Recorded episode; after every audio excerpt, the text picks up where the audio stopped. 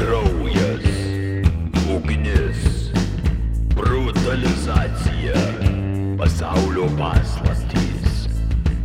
Čia proto pemza.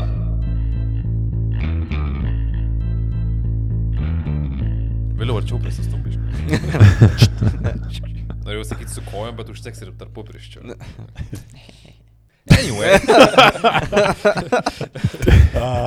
ne, tai nėra intro. Gerai, kad žinai, mes, mes niekada nežinom, kur pokalbis prasidės, bet visada žinom, kur jis Baigsis ten pat pasibaigs. jo.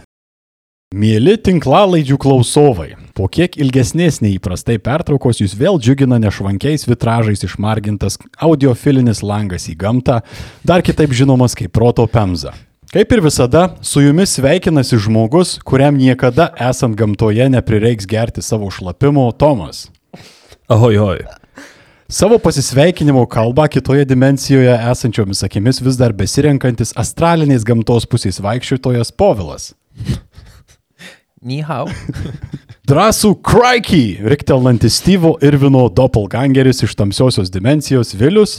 Kuomet rašytinėse šaltinėse pirmą kartą buvo paminėtas Lietuvos vardas, Naujoje Zelandijoje vis dar negyvena žmonės. Sveiki. Ir aš, nei Richardas, nei Kazlauskas ir tikrai nemielas dėdulį Aivaras. Šiandien po porą mėnesių trukusios kraujo, ugnies, brutalizacijos, fiestos, proto pemza pristato skonio paletės pravalymo epizodą. Juk net geriausias suktinis nebėra toks pats skanus po kasdienio vartojimo. Grįžtame prie paprastesnių dalykų - į gamtą. Net tie, kas negali savo gyvenime be pūvančių kūnų smarvės arba negali pakęsti mažesnio masto pasakėlių, turi teisę į ramesnį poilsį. Poilsį, sakai. Visiška nesąmonė. Arba pasakokit, arba reklamą skaitykit. Dvasia kalbanti per Tomą, Beigon! Gerus produktus ne tik negila reklamuoti, bet šitai dar mus ir paremė daryti epizodus, kurie yra prieinami visiems. Man atrodo, tai pačiai dvasiai reikėtų palsėti. Kalbant apie tai, sunkias anklodės net nerimastingai šmėklai užtikrintų gerą poilsį. Nu, nu, net man esanti dvasia susipurtė. Tai tesiklauso. Iš aukščiausios kokybės medžiagų pagaminta ir jūsų kūno svorį pritaikyta antklodė yra moderni terapinė priemonė, stipriai pagerinanti miego kokybę. Ai, nu ir, ir kažkaip ją galima naudoti nepriklausomai nuo amžiaus. ane? Jo, ir nuo savęs asmeniškai pridėsiu, kad dar ir padeda su sunkiu užmėgimu naktį. Tas spaudimas nuramina kūną.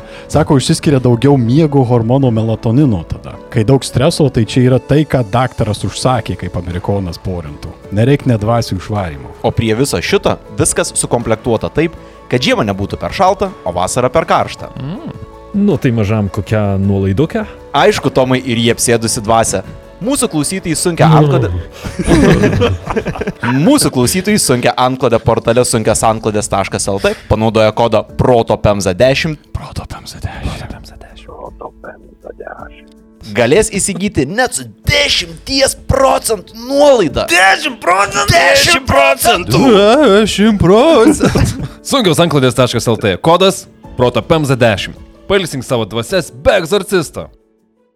Paskutiniu metu kartais atrodo, kad meškos grįžta į pop kultūros forpostą. Aišku, gal čia man vaidenasi, nes šis žodis dažniausiai mano medijose pasirodo suporuota su terminu kokainas, kas turbūt užduoda klausimą, dėl ko jį taip dažnai matau. Kaip be būtų, besikuisdama savo paties galvos sūryje, prisiminiau vieną mažesnę istoriją, kuri, nepaisant savo masto ir žiaurasties trūkumo, nestokoja adrenalino ir turbūt dar svarbiau intrigos. Pristojus ir pagalvojus, tai yra turbūt viena keistesnių istorijų, keliančių klausimus apie mūsų žmogiškosios prigimties ancestralinį ir astralinį ryšį su gamta ir jos gyventojais. Jūsų dėmesiui Timothy Treadwello, dar žinomo Grizzly Man, arba kad mūsų suvanta nepradėtų vaikytis visokios kalbonosių komisijos, Grizzležmogio vardu istorija. Grizle. Grizležmogio. Grizzležmogio. Čia su anosinė. Grizležmogis. Istorija apie žmogų, kuris 13 vasarų manė galės rasti bendrą kalbą su nuostabiais, tačiau brutaliais plėšrūnais Aleskoje. Istorija, kuri palieka tiek neatsakytų klausimų, kad darosi ir pikta, ir juokinga, priklausomai nuo oro ir ar alkoholio koncentracijos kraujyje. Labai tikiuosi, kad pyksim ant jo, o juoksimės iš meškų.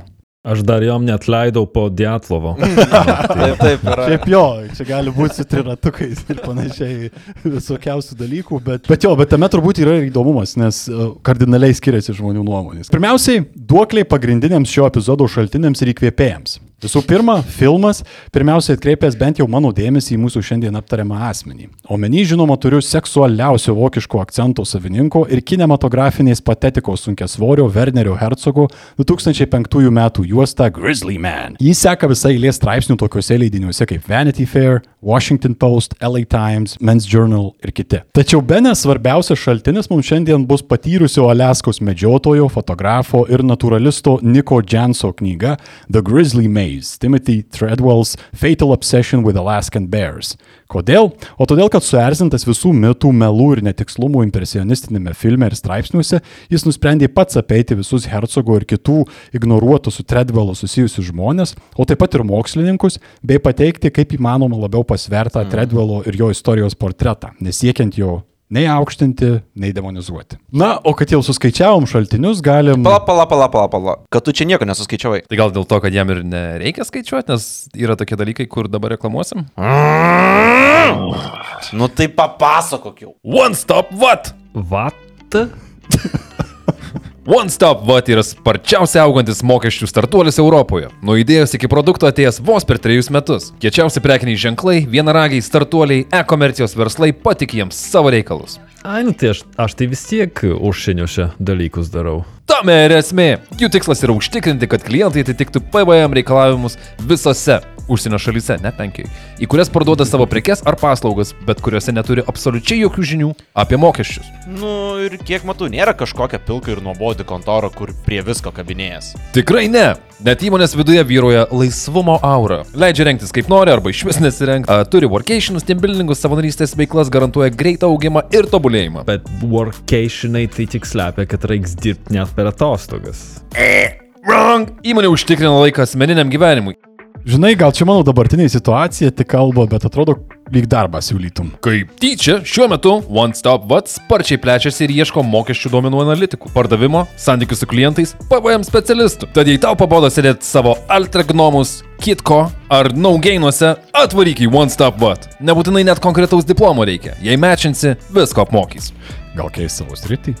Pagalvok! O jei nori daugiau informacijos, apsilankyk onestopvat.com, tai yra vienetukas stopvat.com karjeros skiltyje. One stop, what? One stop, what? Nusikelkime į 1998-uosius. Gerai. Leonardas DiCaprio paaišo nuogas ir vis dar padorė jaunesnės už save prancūzų merginas. Britney Spears prašo kūdikio jai trenkti dar vieną kartą. Gillette išleidžia Mach 3 skustuvą, o Viagra vartojimui patvirtina JAV maisto ir vaistų administracija. O, lūžio taškai istorijoje. Visiškai, visiškai esminiai. Ir margi laikai. Taip. Mhm. Gyvenimas visai šviesus, net jei šiandien rima liūdėsėlis, kad Maskovija neužsilenkė savo finansinės krizės metu tais metais. Tuo pačiu metu Amerikoje yra itin populiarūs vadinamieji vakaro šou, padarę žvaigždės iš tokių žmonių kaip Davidas Lettermanas, Johnny Carsonas bei Conanas O'Brienas. Tai čia tas dalykas, kuris Lietuvoje prieš du metus prasidėjo. Ne? Tu visiškai taip.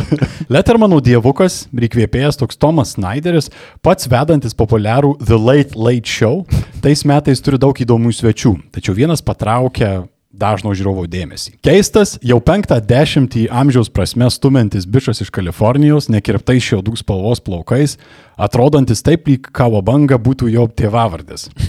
Šio žmogaus vardas yra Timothy Treadwellas. Stebina tai, kad kalba nesisuka apie banglentės, kokainą ar koks šūdas yra Hollywoodas. Treadwellas pasakoja apie savo gyvenimą su rudosiomis meškomis Aleskos Katmai nacionalinėme parke. Savo dūdišką charizmą, entuzijazmų ir gausybę nufilmuotų laukinės gamtos kadrų jis patraukė kiek pašaipų plačiosios visuomeniai šypsnį. Interviu vinimi tampa trumpas klipas, kuriame pastatyta laukymėje kamera yra nukreipta į palapinę. Joje, aplinkui vaikštant meškoms, Timas ir jo vos nedviguba jaunesnė tuo metu mergina užsieima, cituoju, intensyviais tarpasmeniniais tyrinėjimais. Kas čia būt gal? Interpersonalinė eksploracija, ne? Jo. pa- Žiūrėk, gal gali pažiūrėti šitą apgamą mano? Greičiausiai, jo. Tikrinos ir erkiais neįsisegė nugaros. Publika žvengia, Timas akivaizdžiai raudonuoja, tačiau savimi patenkinto šypsenos irgi neslėpia. Mm. Nu kas, kas lieptų. Tokius tyrinėjimus palapinėse yra daręs ne vienas, man atrodo. Ir dar daugiau ne vienas jais turbūt yra nusivylę šiek tiek. Tad negi tai kažkokį nesubrendusį vidutinio amžiaus vyrą tai padaro kalbintinu ir garsiu kažkuo. Ir vis prie ko čia meškos yra. Mhm, labai gerai, kad paklausai, Aivarai, šitą klausimą. Bet čia mano balsas pradeda aidėti, groja arfos, jūsų galva pradeda suktis. Haha! Mes jums ką tik padarėme šią malaną ir dabar nusikraustėme į dar tolimesnę praeitį. Pažadame antras ir paskutinis kartas. Timothy Treadwellas apie savo gyvenimą, ypač ankstyvąjį, daug nepasakojo. Jis tam skiria vos apie porą puslapių 1999 metais išleistoje savo gamtos dienoraščių knygoje Among Grizzlies - Living with Wild Bears in Alaska. Tačiau jo persona neleido jam nepriburti visokių monų išmetant pusę detalių apie save, kas šį bei tą pasakys apie jo asmenybę atsekus visas jo ištakas. Tai Aivarai, kitaip tariant, jis yra parašęs apie na, savo išgyvenimus taip. ir tiesiog kaip koks tikras Jėzulis nepasakoja labai daug apie tarpą iki savo nuotykių pradžios. Taip, ne? taip. Jisai visą dėmesį atidavė meškoms. Okay. Taip. Bet gerai, kad turime žmonių, kurie pasikuitė jo istorijoje. Timothy Treadwellas gimė 1957 m. balandžio 29 d. Long Islande, New York'e. Nors ne, meluoju. Timothy Treadwello tikrasis vardas yra Timothy Williamas Dexteris. Jis atsirado penkių vaikų viduriniosios klasės šeimynoje, tad atitiko tuo metu amerikietiškus standartus, nes visas bumas, kaip mhm. sakant, kūdikių ir taip toliau. Įdomus faktoidas yra tas, kad keliuose šaltiniuose teko aptikti, jog bent jau iš tėvo pusės Timis galėjo turėti, jei ne lietuvišką šaknis, tai bent jau sąsajų su Lietuva. Kaip prašoma, jo tėvo pavardė Dexter buvo bandymas suamerikoninti lietuvišką pavardę Dūkšta. Dūkšta. Tai koks prastas bandymas. Wow. Bet visai į, amerikonino, nesėkmingai. Na nu, gerai, skamba Jo. daug kiečiau. Jo, jo, bet- įdomu, kiek Amerikai tokia atveju yra dūkštų. Aš manau, ne vienas ir ne du, nes pasirodo, kad visai buvo tokia populiari praktika, man Mm, atrodo, okay. ne vienas yra tai padaręs. Įdomus būtų animacinis filmas Dūkštos laboratorija. Arba serialas apie žudiką. Dūkšta. Dūkšta. Ir tokie labai lietuviškai kaimietiški visi. Mm? Laboratorijai samagoną gamintų. Tai jo, nu, darykite su šita detale, kas jums patogu, bet aš turbūt statyčiau pinigus, kad toks protėvis, bent jau pagal jo polinkius, buvo koks nors dzūkas iš jo atvingių krašto, galbūt net. Net išvaizdą, sakyčiau, pagal mano žinomus dzūkus iš to krašto. O Tim, Įtarus Tomas žvilgsnis. Norėtų atkreipti dėmesį, kad mus klauso ir žemaičiai. Visur, kur yra meškos, o ypač grizle žmogiai, kas, kaip visi žinom, neslėpkim, yra sinonimas žemaičio. Tai man Ta kyla abejonių dėl, žinai, jo atvingių. Mm. Nu, Ok, aš, aš priimu šitai. Ta prasme, pagrįsta, pagrįsta hipotezė. Duly noted and disregarded. Pažiūrėsim, kaip bus epizodo pabaigoje, kuri iš tų šalių norės at, arba atsimesti šitą veikėją. Arba prisiimti savo. Mažasis Timis nebuvo kažko labai problemiškas, tad ir joks ponas Pybodis jo nesiskundė. Vaikystėje labai mėgo pliušinius gyvūnų formos žaislus, vienu metu pradėjo maitinti ir prisijaukino voveriuką, kurį pavadino Willy. A, bendrai buvo toks tikrai neblogas vaikas, nors ir kaip pastebėta, atrodė, kad laiko šiek tiek galva debesys ir kuriasi kažkokį tai savo pasaulį tenais mm. mintyse. Bet vėlgi, kaip vaikui, Jo, tikriausiai nėra jo, jo, ir visi turėjom ir tokių draugų ir galbūt net Kur su voverytėm šneka, jo, jo, jo, jo. Ir patys galbūt turėjo tokių epizodų esam gyvenime. Tai, ir net negirti būdami. Tai, Taip, taip. Nu, Mama, aš pas Vilį būsiu. Medis ir ir jis kokainą pardavinėja. Voverė? Jo. Voverė kokaina dileris būtų tobulas. best friend. labai, labai geras būdas pardavinėti kalėjime. Ne? Turi tokį kuprinukę padarai, pralenda, išsikiti Su- pinigais. Sakinukais nuo saulės visą laiką laksti. Atsidaryk riešutą, rasi lauktu. Viešutuose. Bet, Willie's nuts. bet, bet yra vienas minusas, nes voverys dažniausiai yra labai prastos sandėliuotojos. Jos krauna, krauna ir pamiršta, paskui kur pasidėjus. Rasim, reikia, ką reikia daryti, tiesiog Viliui RTG priklijuoti kažkur ir sekti. Nu, jo, tas tiesa. Reikia paskui.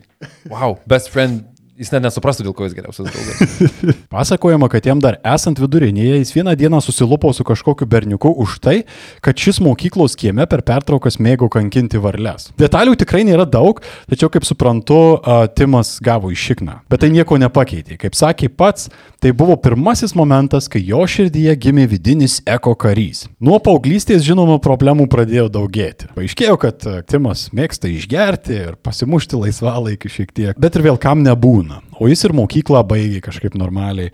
Įdomiau turbūt yra tai, kad pats Treadwellas mėgo visur būtent akcentuoti, koks bad boy jis buvo ir kaip nulatos haslino. Vienu metu net pasakojo sudaužęs tėvų automobilį, kai buvo paauglys. Nu, vyras, Taip, taip, vyras taip, tikrai jau taip. sudaužyti automobilį, tai jau...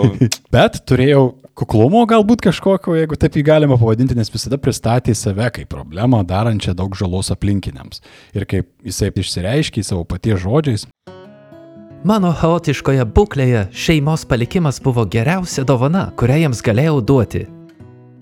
Visoji šioj pasakoj tiesos tikrai yra. Tačiau Treadwellas kai ką nutylėjo. Būdamas vidurinėje, jis pasirodė labai gabiu vienoje srityje. Jis buvo puikus nardytojas į baseiną, kai kur net apibūdintas kaip mokyklo žvaigždė.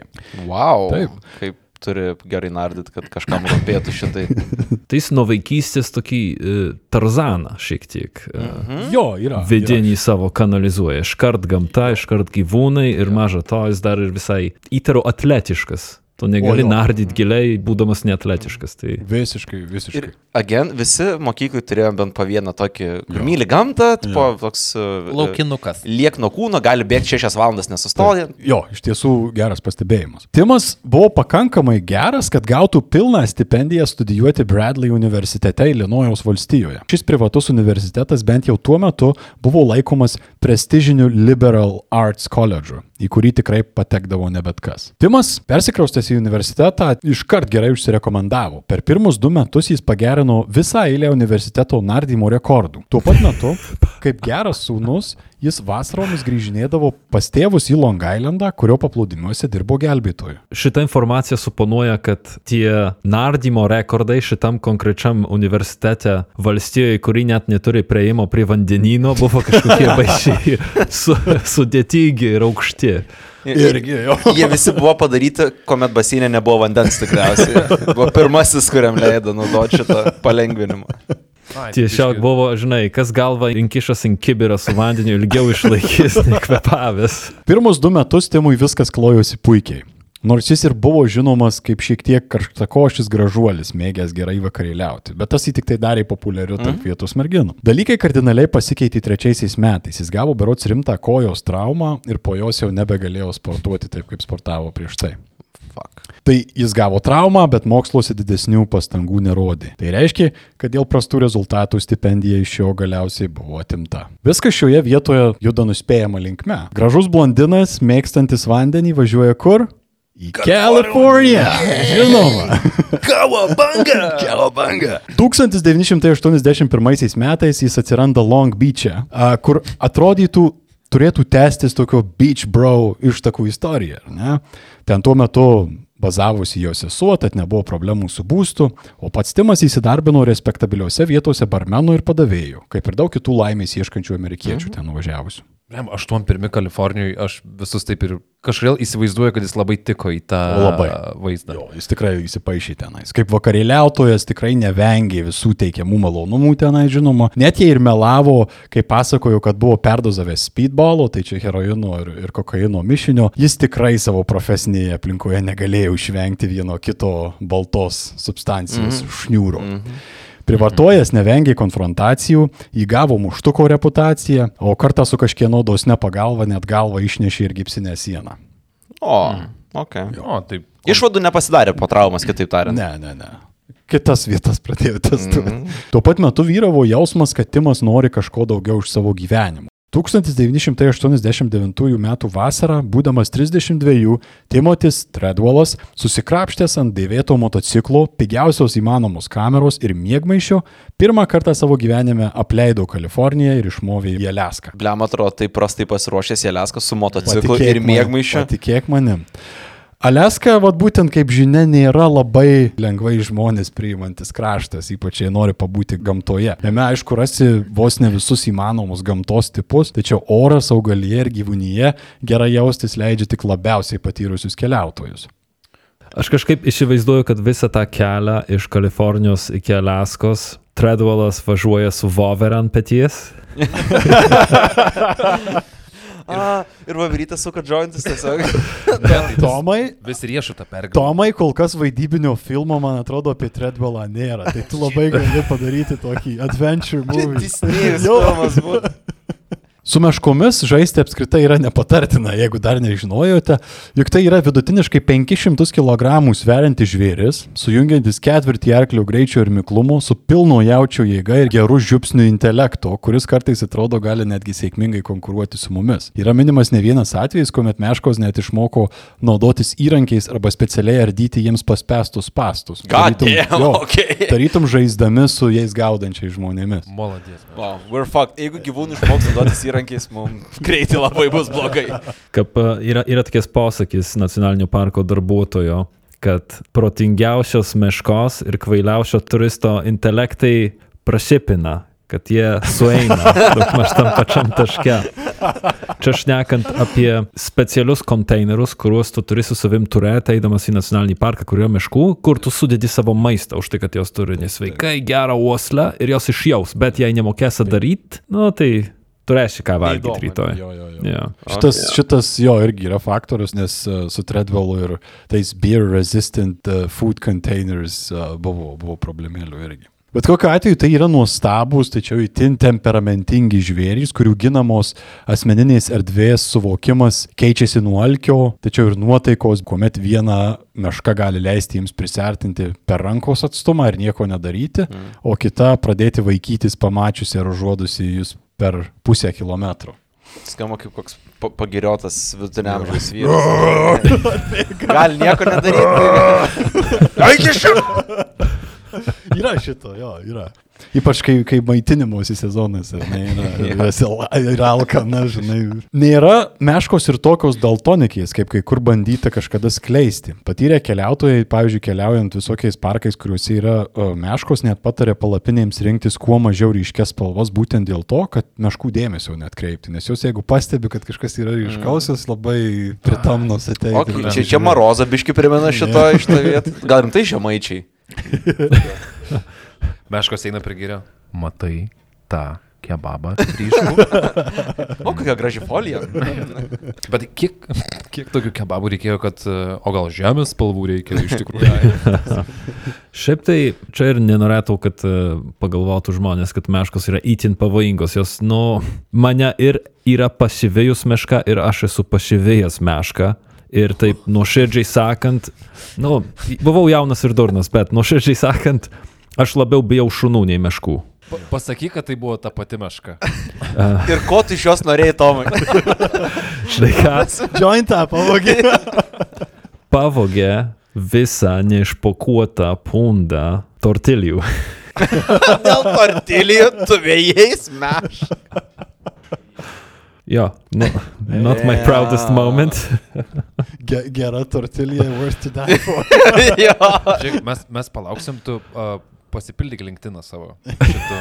jo, čia turėtų būti pirmas. Jo, jo. Uh, A, kaip a bear burglary survivor. beer burglarer labiau. Goal oriented tikrai. jo, jo. Jo, šitoj vietoje Tomas yra labai teisus. Čia aš irgi nenorėjau galbūt nu, nu, nu, nupiešti tokio vaizdo, kad tai yra mirties nuosprendis, jeigu ar nesusitiksit jie. Meškos vėl akcentuosiu, jos nėra durnos. Kaip gerai išsireiškia tas pats Nikas Džensas, jos A moka skaičiuoti ir B labai nemėgsta surprizų. Tai reiškia, kad jos yra labiau linkusios pulti nustebintos ankštoje erdvėje, pavyzdžiui. Taip pat yra didesnė tikimybė būti užpultam einant vienam, tačiau nuo trijų žmonių dydžio grupių tikimybė eksponentiškai mažėja, nes nu, tiesiog per daug žmonių Jo. ir, ir supranta, kad tai yra problema. Tie plėšrūnai patys privengia netgi žmonių, dažniausiai net konfrontuodami žmonės tiesiog renkasi kažkuriuo momentu mauti jiems iš akių.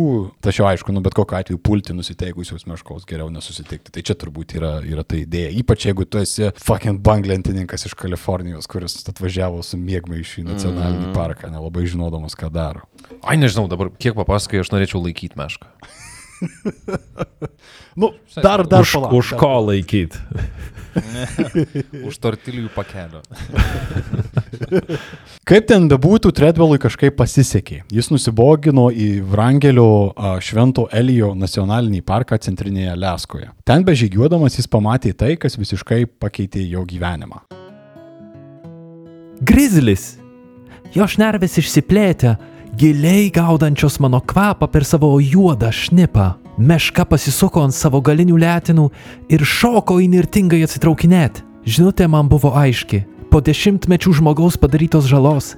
Meška saugojosi žmonių. Man šis susidūrimas buvo tarytum žvilgsnis į veidrodį. Aš pasižiūrėjau į giminingos sielos veidą, būtybę, kuri buvo potencialiai mirtina, tačiau realybėje buvo taip pat išsigandusi, kaip ir aš.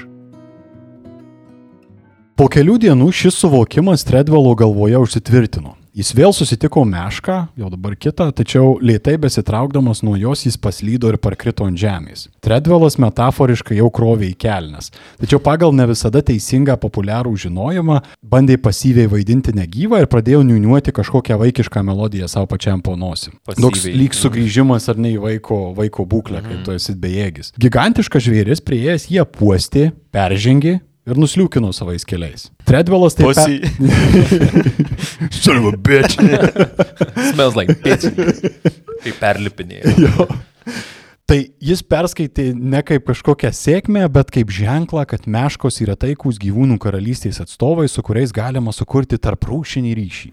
What? Iš, Jo. iš to, kad Taip. jie nenužudė? Tai po šitų dviejų epizodų ir ypač šito, tai kad jisai švelniai jį pauostė ir nuėjo, jam buvo ženklas, kad čia yra Okay. viskas ok. Ei, bet čia tas pats bičias, kuris nusprendė varyti į Alaską šiaip pas Grizlius. Jo, tai jo, matosi taip, tokie taip, šiftai jo, jo galvoje yra jo. visai normalu. Jo. Bet nu, čia Tredvelui pasisekė, kad tai buvo, pavyzdžiui, ne juodoji meška, kuri apsimetimą negyvų kaip tik priima kaip kvietimą draskyti ir plėšyti. Free food. Jo. Aš turiu klausimą, o ponas Dukšta buvo vienas tuo metu? Taip. Nu, ne vienas su Nu, tai meška. Ko, jo, meška koraboravo istoriją. Patvirtino, kad. Taip, Jo, taip, jo, peržengiau. taip peržengiau. buvo.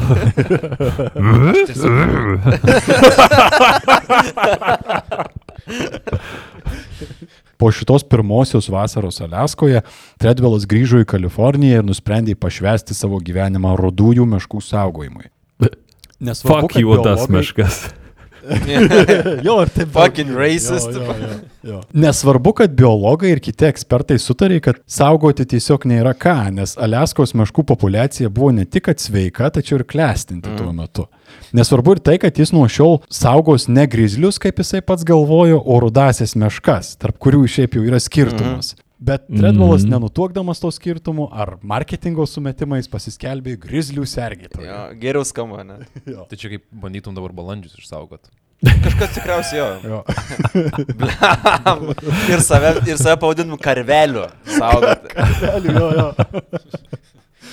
O tai kas tada paštą nešio? Nuo dabar jis pradėjo organizuotis ekspedicijas į Aleską kasmet nuo birželio pradžios iki kažkur rugsėjo pabaigos. Kol ten dar vyrauja daug maž geri orai, o meškų yra visur tiek daug, kad net organizuojamos turistiniais grupiais jų stebėjimui. Jo kelionių tikslu tampa Katmai nacionalinis parkas pietvakarių Aleskoje, garsėjantis būtent dėl savo meškų mhm. populiacijos ir savo dešimties tūkstančių dūmų slėnio. Tai aš tai varyčiau į tą slėnį, žinau. Bet pa, pa, pa, pa, pa, pa. Tai jisai sugalvojo saugot meškas, Taip. važiuodamas į vietą, kur jų yra Taip. dafega ir dar negana to į nacionalinį parką, kuris Taip. dar papildomai Taip. yra apsaugota teritorija. Aha, jo, okay. Aš sakiau, okay, okay, gluminanti okay. istorija. Gluminanti gana istorija yra. Ir įsivaizduoju parko rangerius tokie stovi, susižiūri. Ačiū. Nežinau. Panašiai žinok, yra gavo iš tikrųjų, bent jau pradžioje. Vietiniai į Tredvelą žiūrėjo kaip į durnelį. Jis kaip tikras Malibu pardavėjas banglentininkas, pradžioje neturėjo visiškai jokių įgūdžių išgyventi gamtoje. Ir čia Tomui gal net e, labai patiks kaip, kaip kemperiui patyrusiam. Tredvelas atsiveždavo pigiausias palapines, kurių net nemokėjo tvirtai pasistatyti. Tai reiškia, kad jos būdavo sudraskytos po pirmos audros stovyklaujant, o audrų Aleskoje tikrai netrūko net vasaros metu, kur vasara šiaip reiškia tiesiog labiau žmonių kelionėms toleruojamą orą, o ne kurortinę šilumą. jo, jo. Iki sudedant jau jos sudraskytos buvo. Net nepastatė, jo, jau, dras, dras. Šiaip jis netrodo aštriausias peilis stalčiui kol kas. Nu, kol bet- kas ne. Ir toliau Ką žinai, raštrės, Jo, ne? kitoj pastraipoje irgi tau toks jis netrodys, nes nebuvo labai gudrus ir maitindamasis. No. Tredvilas gyveno ant riešutų sviesto, energinių batonėlių, tirpaus gėrimo tang, kas yra amerikietiškas jupė atitikmuo, saldainių ir Coca-Cola. Kas jis programuotojas? Kiek jam? 3 metai, ar su- 13? Ne, he's from California, man.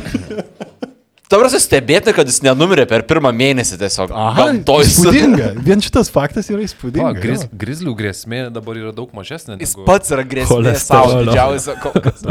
Ir, ir apie kažkokius tai konteinerius apsaugančius maistą nuo meškų taip pat kalbos negalėjo netgi būti. Čia, žinai, kitas meškas perdavė, ta meška, kur perlipo, jį perdavė kitom meškom, kad daug to žinai.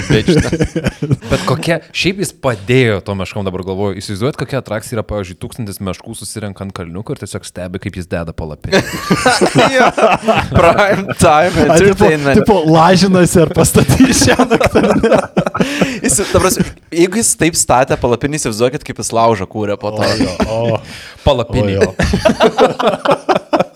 Jei Tredvelo drabužių nemerkė lietus, jo kūną nuolatos kandžiojo moskitai, kurių ten buvo pilna. Ir jis, aišku, pirmais metais net nesugebėjo ten atsivežti kažkokio tai repelento, nors kiek jis ten irgi padeda po kurio laiko. Kažkada įsivaizduoju, kad jeigu įsivežtas tinklelį, tai būtų tiesiog tinklinė maikė. Mani, manydamas, kad tai padeda, nu. Iš Malibu, klausy, mados kliksmas. Niekada nesinešiojo jokių apsaugos priemonių nuo miškų, nes sakė, pavyzdžiui, netikys ginklais. Nenaudojo ir, pu, ir purškalo nuo jų, kuris šiaip yra gan efektyvus, bet jis tiesiog jis vieną kartą jį panaudojo ir pamatė, kad meška labai kankinasi. Tai jam pasidarė gaila. Okay. Va, Kol kas mane stebina, kad jau, po visko, ką dabar pasakėjai, mane stebina, kad net 13 vasarų buvo. Mm. Atsisakė net šiaip jau efektyvių ir nekenksmingų nešiojamų elektrinių tvorelių, saugojančių nuo meškų, kurias, kuriomis gali tiesiog apsistatyti. Yra savo- nešiojami piemenukai tie? Jo, jo, jo. Nice. Apparently jo. Ir, ir labai efektyvūs yra šiaip. jau. Tai kaip supratau, ir jūs pagavot, įspūdis, švelniai tariant, nekoks buvo. Ne, pirmasis. ne, ne, ne. Jo. ne. Ta suprato ir vietiniai, kurie jam bandė pagelbėti, nes manė, kad čia tiesiog kažkoks benamis atsibogino, kažką veikti. Vietiniai su meškom sėdi žiūri. Ja, ja. Bet būdami gera širdžiai, jie padėdavo jam nusigauti, kur reikia. Kartais net keliavo kartu, ne, ne vieną vasarą su juo kažkurį laiką tenais keliaudavo žmogus kažkoks iš vietinių. Ir kaip apie jį atsiliepė toks vietinis žvėjys Donas Pitcheris. Malonus bičias, bet nulis miško suvokimo ir nu, nepanašu, kad jo daugiau būtų radęsi. Nekartą jį matėm bandant spausti meškas ir jas nubaidyti. Jis laikė maistą palapinį, pogalais. Na? Jis įkrito į degantį laužą ir nusidegino koją, bjauriai ir rimtai, bet nelabai kreipė tai dėmesio. Mes jį kviesdavom vakarienės į savo stovyklą, kad tik jo nepapjautų. Jie kviesasi, kad nesugadintų jiem patiem camping trip, nes reikės rūpintis lavonu po to. Bet laikui bėgant kažkaip Tredvelas sugebėjo išgyventi ir net prakusti. Visų pirma, nepaisant įgūdžių stokos, jo fiziniai forma tapo net geresnė nei ta, kurią jis turėjo sportuodamas mokykloje. Nors mytybos įpročiai nesikeitė, išgyvenimo įgūdžiai ištrėjo, net jei palapiniais griūdavo vis dar pernelyg dažnai. Mm. Jis po truputėlį išmoko tvarkytis su gyvūnyje. Vienu momentu net buvo prisijaukinęs jauną lapiną, kurį pavadino Timiu. Ką tu pada... dabar nori meškos ir lapės? Jos nori, kad tu taip galvotum, nes jos yra gudros. Taip, taip. Lietuvių liaudės pasakos. Taip, taip, mėg mane, žmogau, mėg. Tačiau, nu, nepaisant tų lapių, meškos buvo pagrindinis jo objektas. Jis pradėjo skaityti stebimų gyvūnų kūno kalbą ir lokalizacijas, bei suprasti, kaip su jomis tvarkytis, kai pastarosios bando eskaluoti konfrontaciją. Daugeliu atveju, net jei jos agresyviai bėga link kokio nors taikinio, jos blefuoja. Tad žmogui reikia atstovėti ir pasirodyti, kad jis nesiruošia kelti konflikto, o kartais net pasistengti pasirodyti kuo didesniu, kad meškai nekiltų noras galinėtis. Agen, visiškai kaip morozai. Nu, jau. Viena mano draugų yra taip buvę ir jis atstovėjo ir meška pasitraukė. Sako, tas pirmas, pirmas meškos bėgimas, pirma šarža yra Jo, jo, netikra, yra feikinė ir tiesiog Jo. stovek, nejudek ir tada meška pasitrauks. Damn. arba ne. Ge- Jo, jo, d- čia, čia yra toks gamble, nes jeigu jo nepataikysi ant, ant to, kai reikia, gali. Nu, ten, Nu, ne aš tiesiog. aš, aš kaip skaičiau, yra tam tikras bėgimo būdas, nes jeigu jinai labai triukšmauja, ten šnopuoja garsiai ir urzgia, mm. tai greičiausiai sustos. Bet jeigu jinai žiauriai žemai pasilenkus, atkišus alkūnės mm. ir tyliai Tai- varo į tave, nu, probably you're fucked. Bet čia vėl, čia uh, aš tai skaičiau knygoje, čia yra žmonių uh, liūdėjimai. Mm. Bet vėl, man įdomu, va, Tomai tam žmogui, ant kiek buvo adrenalino. Kokį tu po to vyrų turi jausis, kai atstovi Meška. Iškart barzda užaugo. Dar įdomiau yra tai, kad Redvolas be kažkokių formalių įgūdžių pradėjo atpažinti atskiras meškas bei jų charakterius. Net ir matydamas jas tik vasaros periodu, sugrįžęs po žiemos jis gebėdavo atskirti savo favorites. O tos meškos, kadangi turi gerą atmintį, jos taip pat mm. atpažino šitą keistą būtybę, kuri valkiojasi paskui juos Be, visą vasarą. beždžionė, Jo, iš meškos perspektyvos. Timas spėjo meškoms netgi duoti vardus. Tarp jų buvo tokie perlai kaip Tabitha, Thumper, Squiggle ar mano vienas mėgstamiausių Mr. Chocolate. Tredvelas nevengė miegoti šalia plėšrūnų, jiems garsiai skaitydavo pasakas ir net dainuodavo. Kalbėjosi su jomis ir sakė, galys matyti jų emocijas. Viename labai melodramatiškame įraše jis kalba apie meškiną negavusį pateliais, kurį pavadino Halku. Halko veidas pradėjo judėti ir aš pajutau šiltą jausmą, plaukiantį link manęs. Dabar Halkas buvo liūdnas, bet vieną dieną jis ir vėl mylės. Čia man primena tą uh, Džordžo Bušo citatą iš jo susitikimo su Putinu. jo, yra panaš, panašaus. Tai meškos tikrai gali rodyti emocijas. Tačiau meškos yra meškos. Jų pasaulis yra brutalus. Vos vienas iš dešimties jauniklių išgyvena dėl bado, nelaimingų nutikimų ar tiesiog kanibalizmo, kuriuo užsiminėjo didieji patinai ir apie kurį nagrinėdamas paliktas meškų kaukolės nuolatos kalbėjo ir pats Tredvolas mm. savo įrašuose. Tarpusavyje meškos taip pat baisiai pešasi ir po to vaikšto su baisiniais randais. Jeigu kada nors matėte per kokią televizijos laidą, kaip meškos imasi ir lupasi, uf, mm. toks rimtas, rimtas vaizdas visai. pakai būna atsistojusios ant dviejų kojų. Ant ir- dviejų ir- kojų jo. Sako, kad šiaip tai mes esam pripratę, manyčiau, irgi toks faktoidas, mm. kad meškos, kai jos stovisi ant dviejų kojų, tai nėra dažniausiai agresijos ženklas. Mm. A, jo. Jos matuoja aukštį tavo realiai, pasižiūri, kiek ane? Jo, jo, ir jau kai jos imasi griežtai, jos imasi ant visų keturių ir ten labiau turbūt panašu yra, kaip South Park'e buvo tas wrestling bitchas, tik tai su daug daugiau dantų ir daug daugiau kraujo, ar ne? Gerai, noriu biškai pakeisti savo norą. Vieną lapę ir vieną mešką. Laiky. Jau tik vieną mešką. Jo. Kažkuria prasme net yra gerai, kai meška mato žmogų kaip žmogų, nes jai nekils toks noras galinėtis su juo, ar ne? Tačiau Tredvelas buvo įsitikinęs, kad meškų tiesiog niekas nesupranta ir kad jis gali įrodyti, kad yra kitaip. O, o ką jis, ką jis norėjo įrodyti? Kad su meškom galima gyventi kaip su kaimynais. A, ok. Čia dar rutuliojasi. Laikui bėgant Redvalas specialiai pradėjo rengtis tamsiomis spalvomis ir ropoti aplink meškas ant visų keturių, nes tikėjo, kad tai bus matomas kaip meška ir bus priimtas į jų tarpą. Bet įsivaizduok iš meškos perspektyvos šitą vaizdą. Ta prasme, meška supranta, kad tai nėra meška, kad tai yra beždžionė, kuri netrodo kenksminga. Ir ta beždžionė. Pradeda aplink tave ropot keturiom, ne? Taip. Ir... Tai čia, tole, čia yra meškų tolerancijos klausimas. Netgi. Nu, Tipo, tai turbūt nereikia sakyti, kad daugelis, pavyzdžiui, mokslininkų, kurie ten dirbo į šitokį mąstymą, žiūrėjo su išgastinga pašaipa. Apskritai mokslininkai, gidai ir kiti ekspertai į Tredvilą žiūrėjo ypač kreivai, kaip į pavojingą ne tik savo, bet ir kitiems veikėjams, nes pripratę prie žmonių meškos lengviau būna agresyvios jų atžvilgių, įskaitant ir turistus. Jos nebesibaimina taip, nebelaiko distancijos ir taip toliau. ir Ai, o panašiai. tada jeigu ateina, tai matos vel ir kikit. Jo, jo, pavyzdžiui, atempinėti maisto ir taip toliau. Šitą vietą norėtų staptelti ir primyti mūsų klausytojams, nešarkit laukinių gyvūnų už tai, kad tai grašia gyvų, gyvūnų mirtim visų pirma. Atsiranda va toks vienas tradvalas, kuris jiem pradeda uh, nešti maistą, o tada jos lenda prie nieko nesuprantančių turistų ir, ir, ir, ir baigėsi tragedija. Taip. Nebūk dūkšta. Žemaičių irgi nešarkit, nes irgi, irgi jiem, jiem kenkia. Lygiai taip tas pačias taisyklės galioja. jo. Pradeda artintis prie žmonių tada. Pripranta. kad- Jo, tai, tai Tomas sutartų su mokslininkais. Teko matyti vieną mokslininką visą Tredvelo veiklą pavadinusi asmeniniu jackass be pirkinių vežimėlio. Tiesiog. Just jackass. Jo, Ne, he's a jo. jackass. Čia labai tobulas disas buvo. Tredvelas bent jau iš esmės kažkuria prasme pavojų suprato, kasmet sakydamas, kad tai gali būti paskutinė jo vasara ne tik Aleskoje, bet ir gyvenime.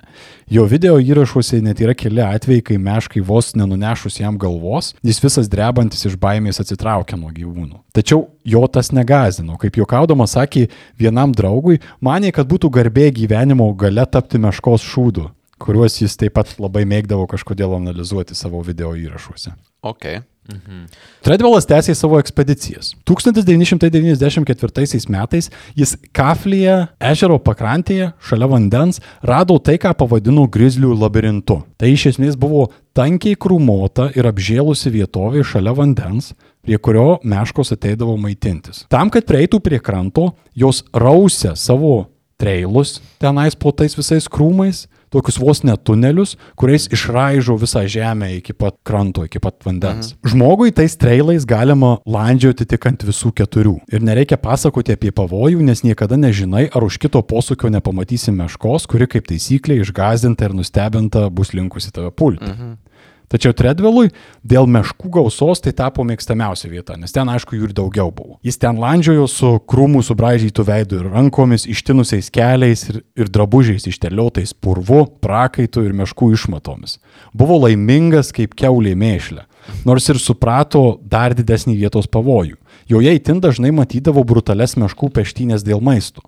Tačiau kol maisto buvo, o vasarą jau dažniausiai buvo, meškos Tredvelą tiesiog ignoravo, ėjo savais keliais. O Timas tai prieimė kaip ženklą, kad jis jau savas. Radęs tokią atviresnę kalvelę krūmynuose, jis kasmet ten įsirengdavo stovyklą vos per porą žingsnių nuo meškų treilų. Laikui bėgant pradėjo vadinti save jų įvaikintų žmogiškuoju kompanionu. O, again, iš jų perspektyvos tiesiog aslas, kurį nekreipia dėmesio, ne? Taip, Ką čia tas maistas daro? Yeah, let him be. Yra lašišas. Rugsėjai, gal mes kitaip su juo biškišnekėsime dabar. Kad suprato vietos pavojų, liudijo ir tai, kad Redvillas kalbėjo apie tai, kad ten pirmą kartą sutiko tai, ką vadino meškomis žudikėmis. Jis čia referavo į ypatingai didelius ir agresyvius patinus, netoleruojančius jokio žmogaus buvimo šalia. Su pastaraisiais plėšrūnais jis nejokavo, stengdavosi nesertinti. O ką darysi, kai žinai, kad nepastovėsi? Kai pasakoju apie vieną savo susidūrimą su meškinu žudiku, kurį vadino demonu, Kuomet tamsus patinas prisiartino iki dešimties pėdų, jo ausys susiglaudė, o grėsmingiausios, klastingiausios mano matytos akys pavirto į ledą. Tamsusis patinas medžiojo mane. Paskutinę desperatišką akimirką aš puoliau link jo, rėkdamas ir spardydamasis. Jis lietai atsitraukė, toms klastingoms akims žypčiojant. Tuo metu jis nenorėjo eikvoti energijos mane žudydamas. Kokias fucking egomaniakas. Mane žudydamas. Jis nenorėjo man eikvoti energijos. Ne, gal tiesiog išuodė cholesterolį. Ta toj meška ir nusprendė, kad my galas. Coca-Cola ir jupi prakaitas. Tai Tredvilas suprato, kad jam labai gali greitai ateiti galas, tačiau priklausomybė nuo adrenalino ar šlovės nugalėjo. Tačiau mokantis tokių dalykų, keistas elgesys iš jo pusės niekur nedingo, ypač žmonių atžvilgių. Kadangi žmonės Tredvilą buvo pradėję erzinti, jis pradėjo filmuoti juos norėdamas sutrikdyti. Kaip pasakojo vietinis gidas Perry Molanas, Jis slapstėsi krūmuose ir tave filmavo. Tai erzino labiau nei bet kokia kita jo veikla. Tu esi nežinia kur, dainuoji kokią kvailą dainą savo panosiai, krapštai nosį ir panašiai, pažvelgi kitą pusę, o ten šitas bičias su savo kamera. Gidas Jonas Bartolino jam pritarė. Jis dažnai dėvėdavo vieną bandaną ant galvos, o kitą ant apatinės veido dalies. Jis visada bėgiodavo po krūmynus ir fotografuodavo, darydavo kažkokį ninja spektaklį.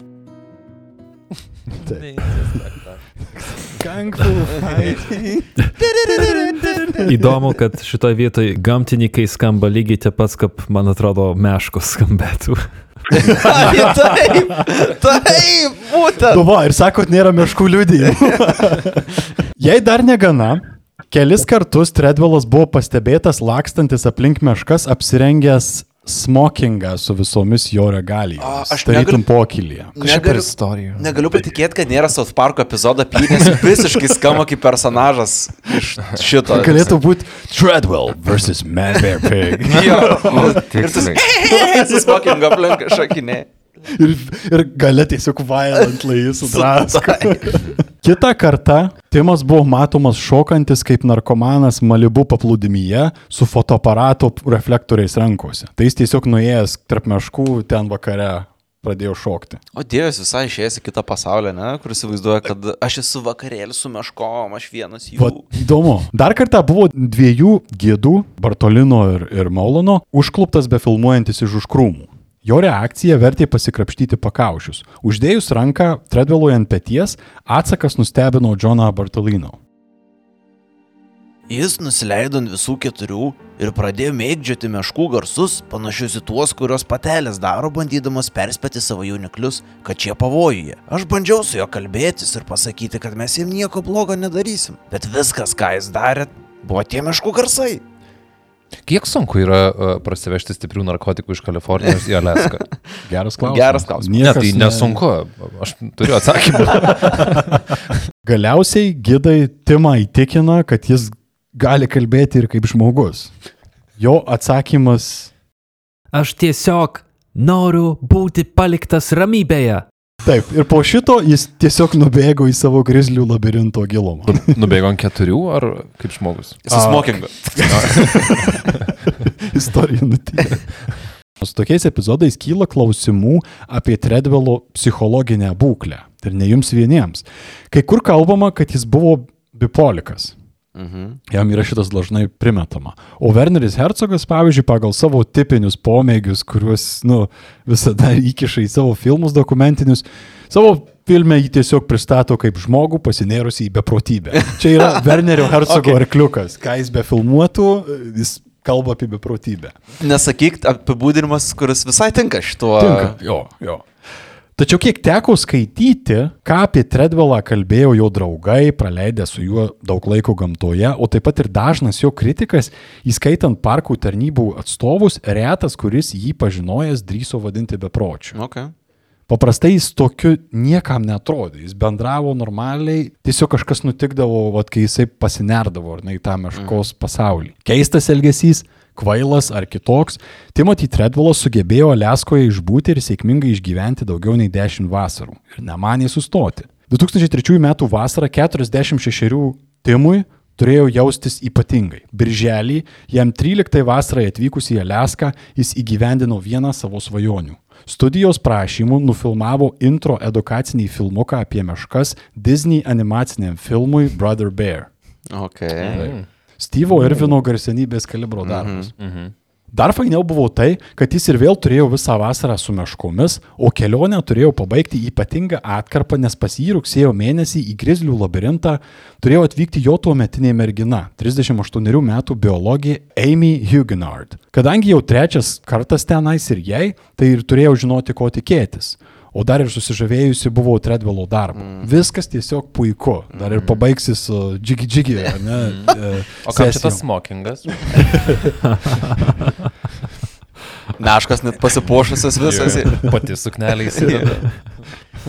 Čia kaip Ice White Shot, tik tarp meškų. Liepa tų metų Tredvelas pirmas išmauna į savo grizlių labirintą. Kadangi jau net ne antras rodeo jo, gyvenimas Timui teka įprasta vaga.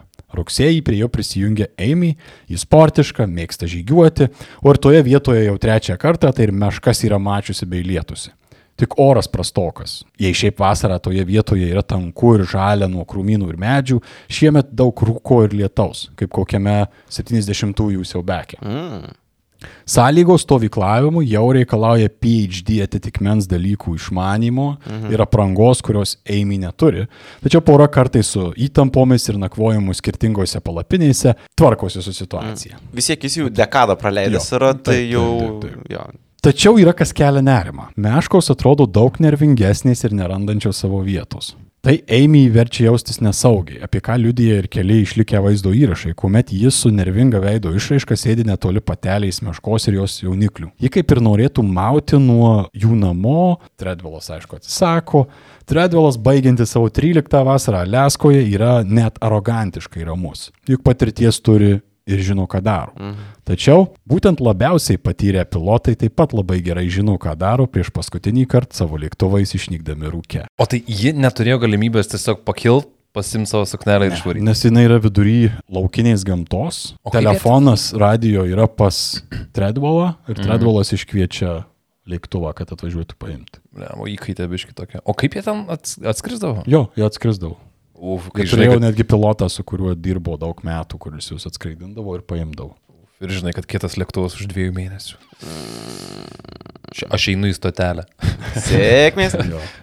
O Treadwellas ir juo labiau Amy nenutuokė, kokioje keistoje situacijoje jie randasi. Už penkių mylių nuo jų stovyklavietės meškų biologas Matijas Breiteris pats pastebė anomalijas.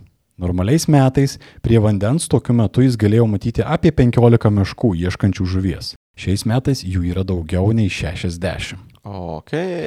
O plotas nedidėjo, mhm. tai reiškia ir įtampų augo. Mažai maisto, daug maškų, kitaip tariant. Kaip pasakoju pats, Paprastai matytum keturias pjautynės per savaitę. Dabar buvo dešimt per dieną. Tikros, iki galo einančios kovos.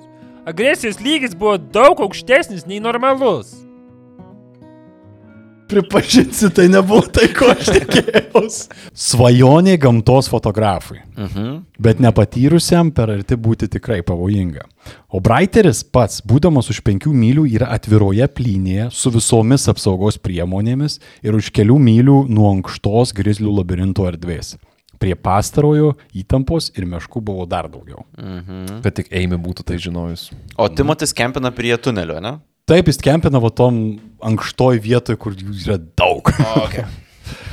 Kodėl tokia anomalija?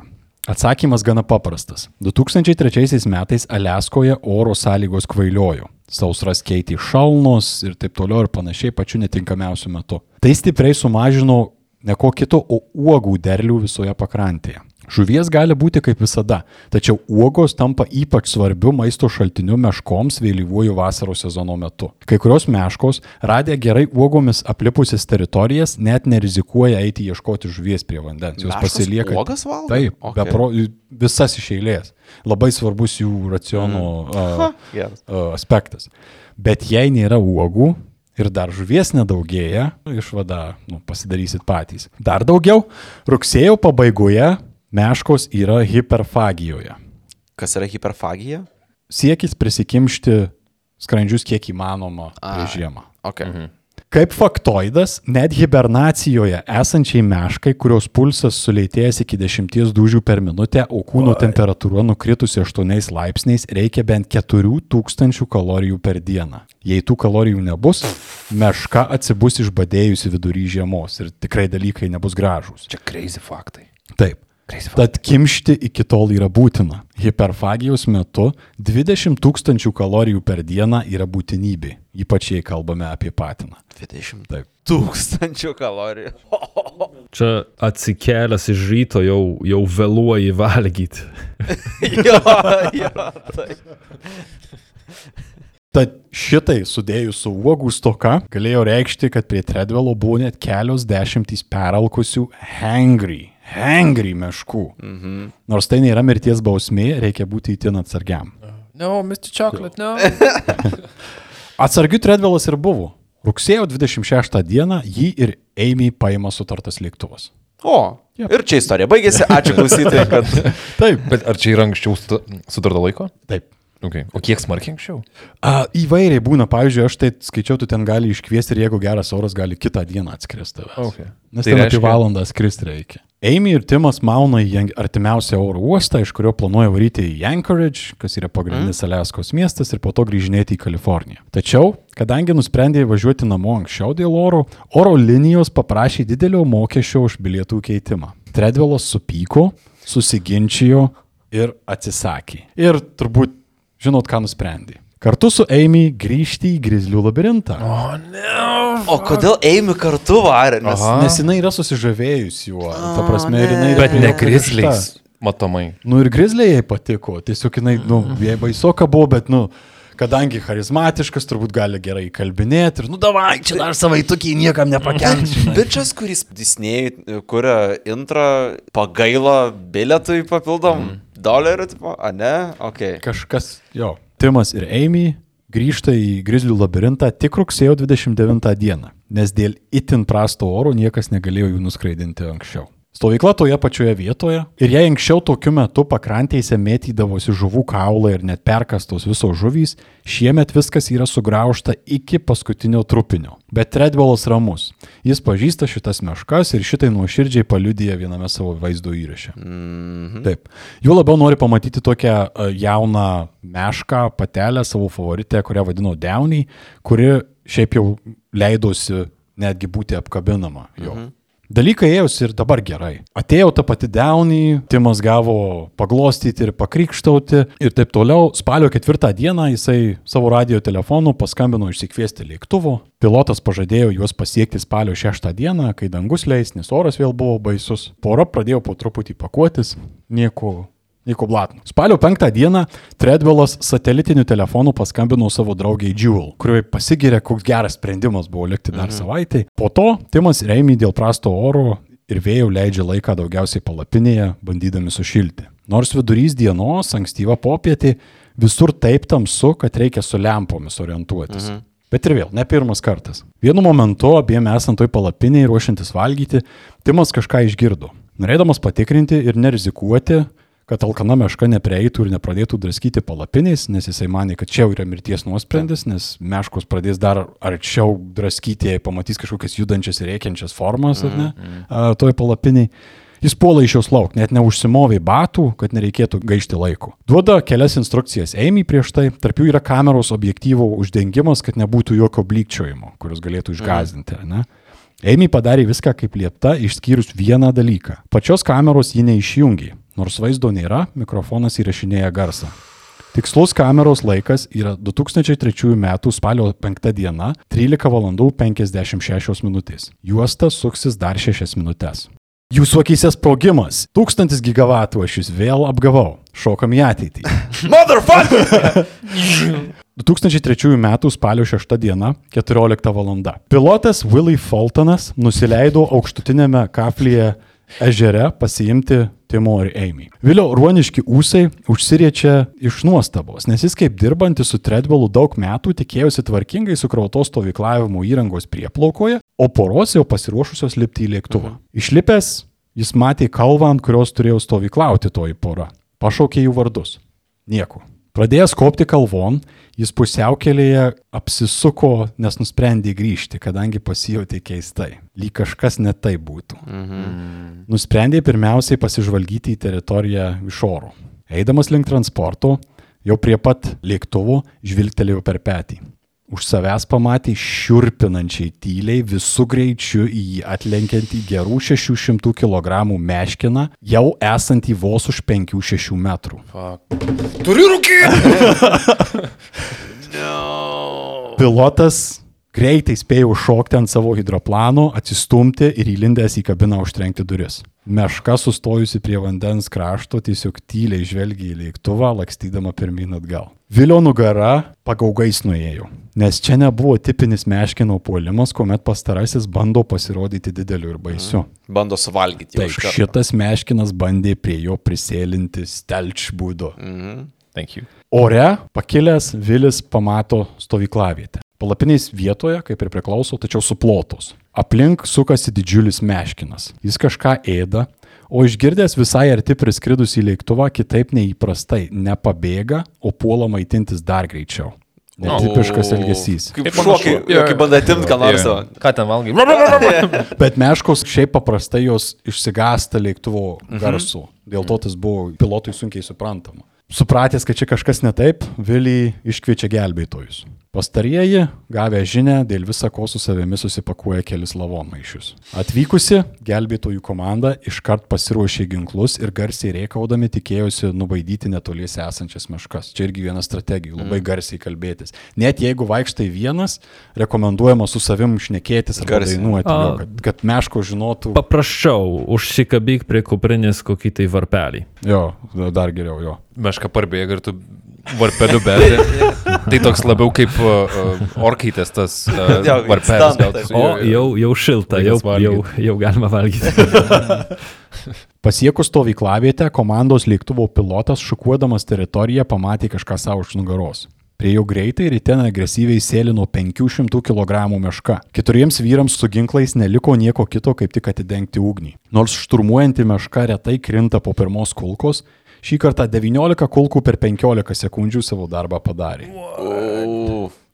Bet 19 kulkų. Taip. Įsivaizduoju, kokio piktumo turėtų būti meška, kuri, pavyzdžiui, penkias kulkas gavo. Ir tik tai. Ir vos Turėjai vos revolverį, prilėtino. ne? Bet, bet kas svarbiausia, kad kaip skaičiau, tai taip dažniausiai ir būna. Retas yra atvejis, kad meška net po tos kulkos parkrinta. Tiesiog toliau Gavosi. bėga, ne? Taip, jinai toliau iš inercijos tiesiog varo į tave. Ant tiek, fuck, gyvūnai. Stovykloje kraujo nebuvo, tačiau greitai akiai patraukė kauburys prieš vieną iš palapinių. Šviežia mėsa, pastebėjo vienas gelbėtojas. Neapsiriko. Iš kauburio kyšojo pirštai ir ranka, o šalia mėtėsi kažkas panašaus į inkstą. Paieška tęsėsi, kol vienas pareigūnas krūmuose rado tai, kas liko iš Tredvalo. Galva be didžiosios dalies savo skalpo, peties dalis ir du dilbiai. Ant vieno jų dar likęs laikrodis. Veidas išlikęs, ant jo matosi grimasa. Viskas yra be kraujo, it išvalyta. Matyt, dėl lietaus. Arba nulaižyta. Po kurio laiko randama ir dar viena galva. Amy, kuri atrodytų, atrodo lyg miegotų, o prie jos keli kaulai be mėsos ir torso gabalai. Viską, kas liko iš Timo ir Amy surinkus į lavonmaišius, bendras svoris nesikė 20 kg.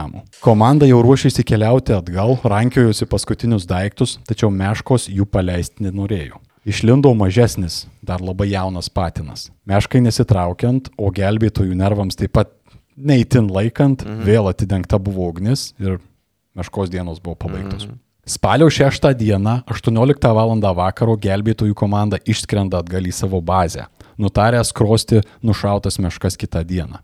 Susirinko ir poros daiktus, tarp jų ir kamera su jamžintomis paskutinėmis šešiomis minutėmis Timo ir Amy gyvenimo. U, garsai turėtų būti fantastiški. Kai juostą perklausė gelbėtojai, jie patikino, kad geriau nenorėti to girdėti. Filme Grizzly Man juostos klausosi režisierius Werneris Herzogas, mhm. Kuris perklausęs atiduoda ausines ir tiesiog nuleidęs galvą pasako, kad apskritai tą įrašą reikėtų sunaikinti. Tad kas ten nutiko? Tredvelas tą spalio penktą dieną prieš antrą valandą išlindęs iš savo palapinės stovėjo laukia, matyt žvalgėsi ir suprato, kad prieš jį agresyvi meška. Mhm. Įraše pasigirdo užtrauktukas.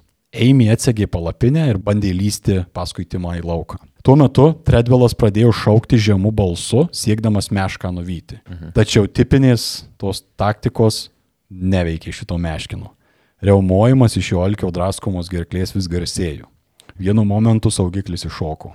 Meška dėl kažkokio pamatyto signalo persijungė iš grasinimo į atakos būklę. Iš karto. Įrašė šiuo momentu girdėti Timas rėkiantis išlysk mane žudo. Vaidink negyvą, jam atsako Amy. Kaip aš. Puolantis meškinas yra kažkas siaubingo.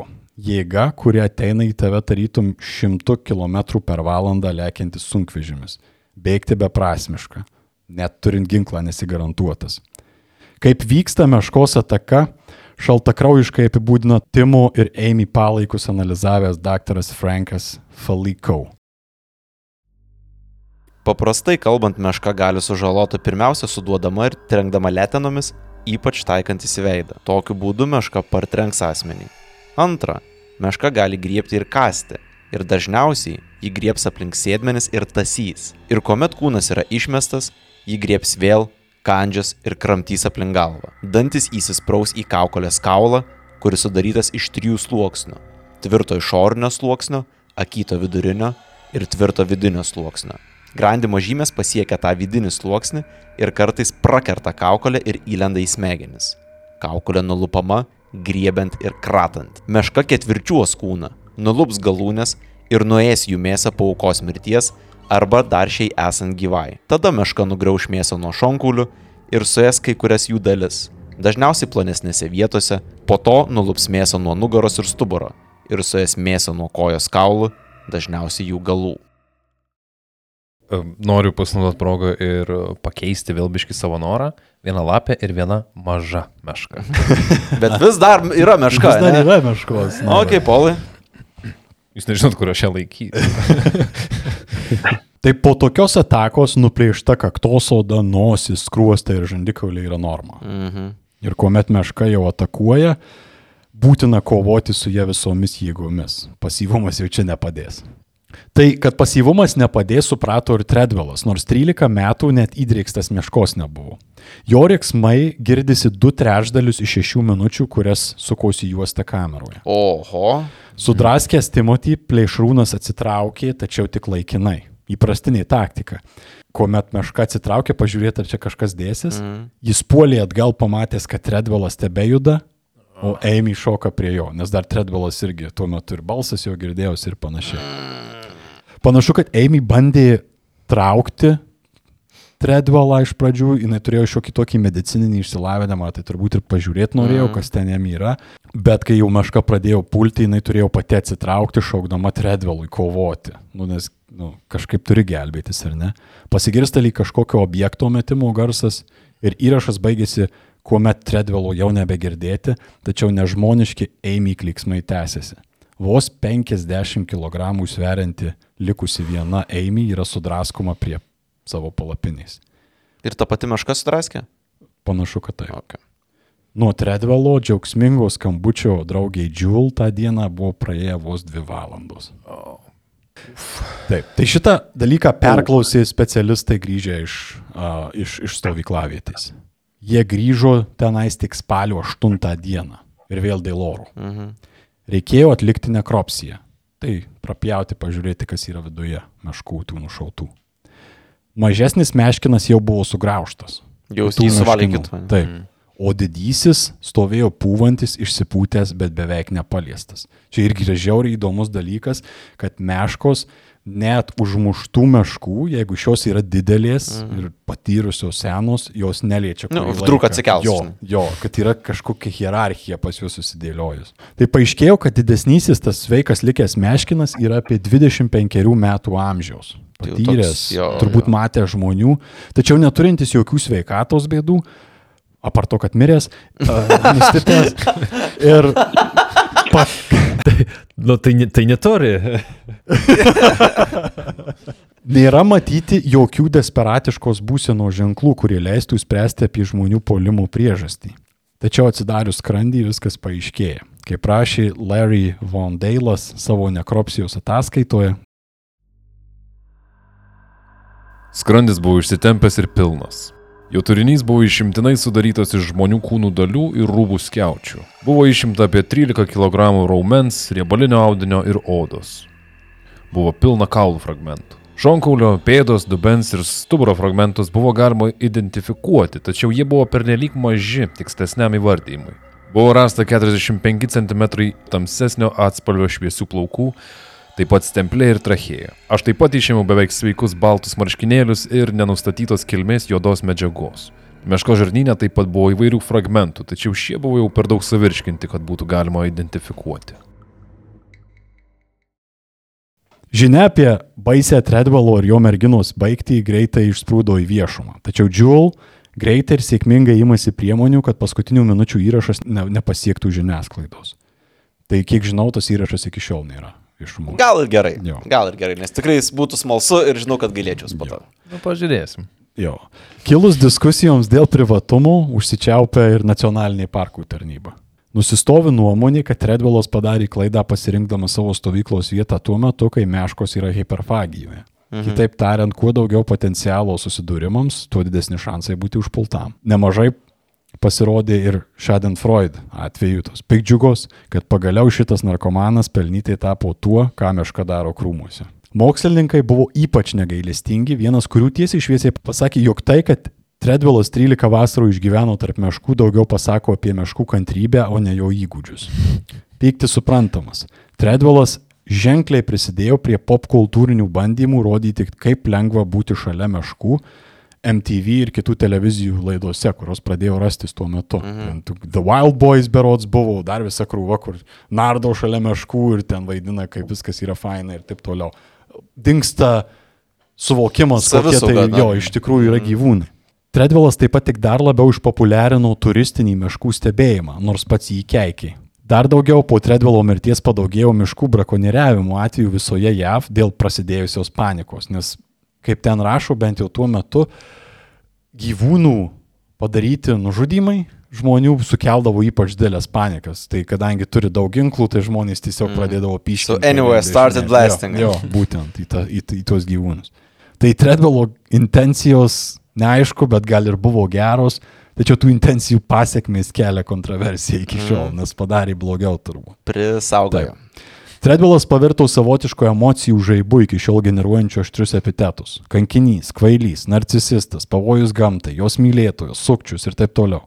Vienok, liūdna, kad nepaisant šimtų valandų video medžiagos ir sąsiuvinių stebėjimo medžiagos, į jį niekada nebus rimčiau žiūrima, ypač mokslininkų tarpe. Mm. Kad ir kaip neteisingai tai būtų daręs, jis atkreipė platesnį visuomenės dėmesį į šiuos žiaurius, tačiau nuostabius gyvūnus. O galbūt, kaip rašo Nikas Džansas, Treadwello iš ties neina suprasti šio laikinėje racionalumo eroje, kai senųjų kultūrų šamanas kažkur šiaurėje turbūt būtų supratęs jo troškimus tuo metu. Man pačiam be nelabiausiai šioje istorijoje gaila Amy Huguenard. Mhm. Jis susipažino su Timothy Treadwello 1996 metais vienos jo paskaitos metu. Jis iškart susižavėjo su vaikais dirbančiu Timu ir nors netitiko jo skonio ir nebuvo Kalifornijos stiliaus seksy blondinė, kažkokiu būdu rado kelią arčiau jo. 2001 metais į pirmą kartą apsilankė Aleskoje, kur praleido dvi savaitės tarp meškų. Pastebėjau, kad Timas jaučiasi tarp jų kaip namie, nors jis ją traktavo kaip šiek tiek antraeilį savo gyvenimo aspektą. Mhm.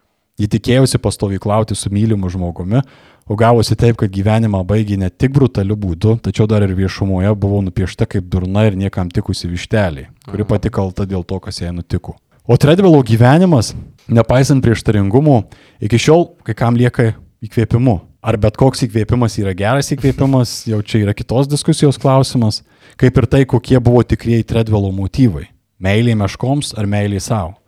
Kaip taikliai pastebėjo artimas Treadwello draugas, režisierius Joelis Bennettas, nufilmavęs net penkis filmus su meškų mylėtoju.